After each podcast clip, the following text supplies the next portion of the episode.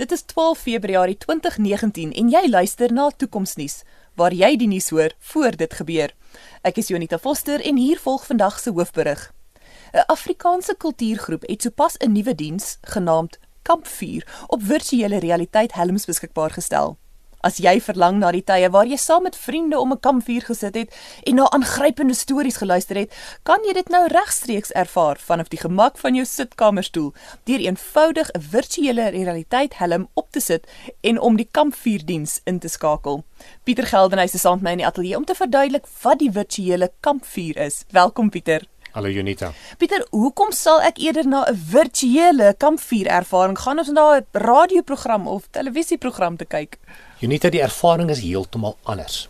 Nou, met die loods van die Oculus Go toestel teen 'n baie baie lae pryspunt van minder as 200 dollar, het die hele wêreld van virtuele realiteit verander hier in Junie Julie 2018. En ons sien dat al hoe meer en meer mense begin kuier het op virtuele ruimtes. Jy sit eenvoudig die virtuele helm op en dan sien jy 'n avatar wat met jou gesels. Hierdie kampvuur inisiatief is baie oulik want jy kan nou jou virtuele realiteit helm opsit en saam met 20 ander mense rondom 'n virtuele vuur sit en in realiteit na iemand luister terwyl hy 'n storie vertel. En jy kan interaktief met die ander avatare gesels binne in hierdie virtuele omgewing. Dis asof hulle regtig langs jou sit. En soos die persoon van een posisie na 'n ander posisie verander, sal die die klank wat jy hoor in jou oorstuk ook van een plek na 'n ander plek skuif en jy sien die persoon fisies beweeg. Dis 'n ongelooflike ervaring om mense in 'n virtuele omgewing te kan ervaar. En daarom dink ek dis 'n baie interessante inisiatief. In die verlede kon jy na musiekkonserte gaan luister het of selfs na sportuitsendings kyk. Maar dit was bietjie onpersoonlik omdat daar nie baie sterk interaksie voor die tyd tussen die luisteraars was nie. Die kampvuur is egter iets heeltemal anders.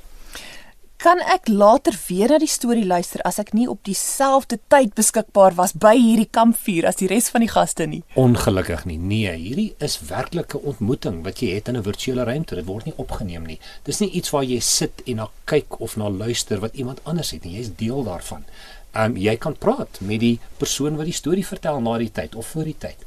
Jy is werklik deel van die hele omgewing en ons sien 'n verskriklike groot aanhang hieraan veral in terme van mense wat nie in Suid-Afrika is nie.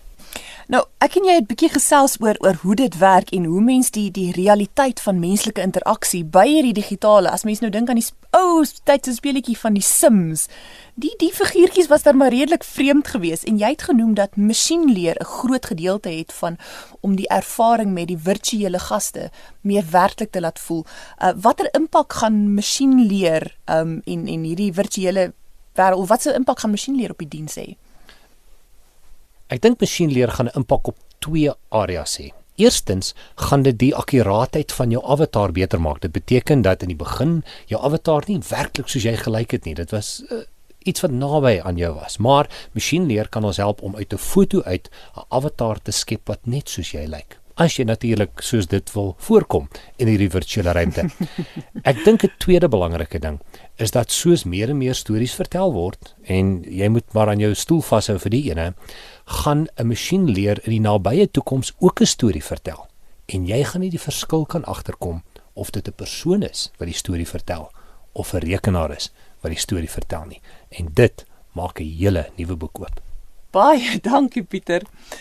Die diensverskaffers van die virtuele kampvuur laat tans net 20 persone toe om enige tyd in te skakel. Die diens blyk baie populêr te wees veral vir diegene wat oor see is. Die kultuurgroep werk tans aan 'n toepassing waar almal kan saam sing om die kampvuur.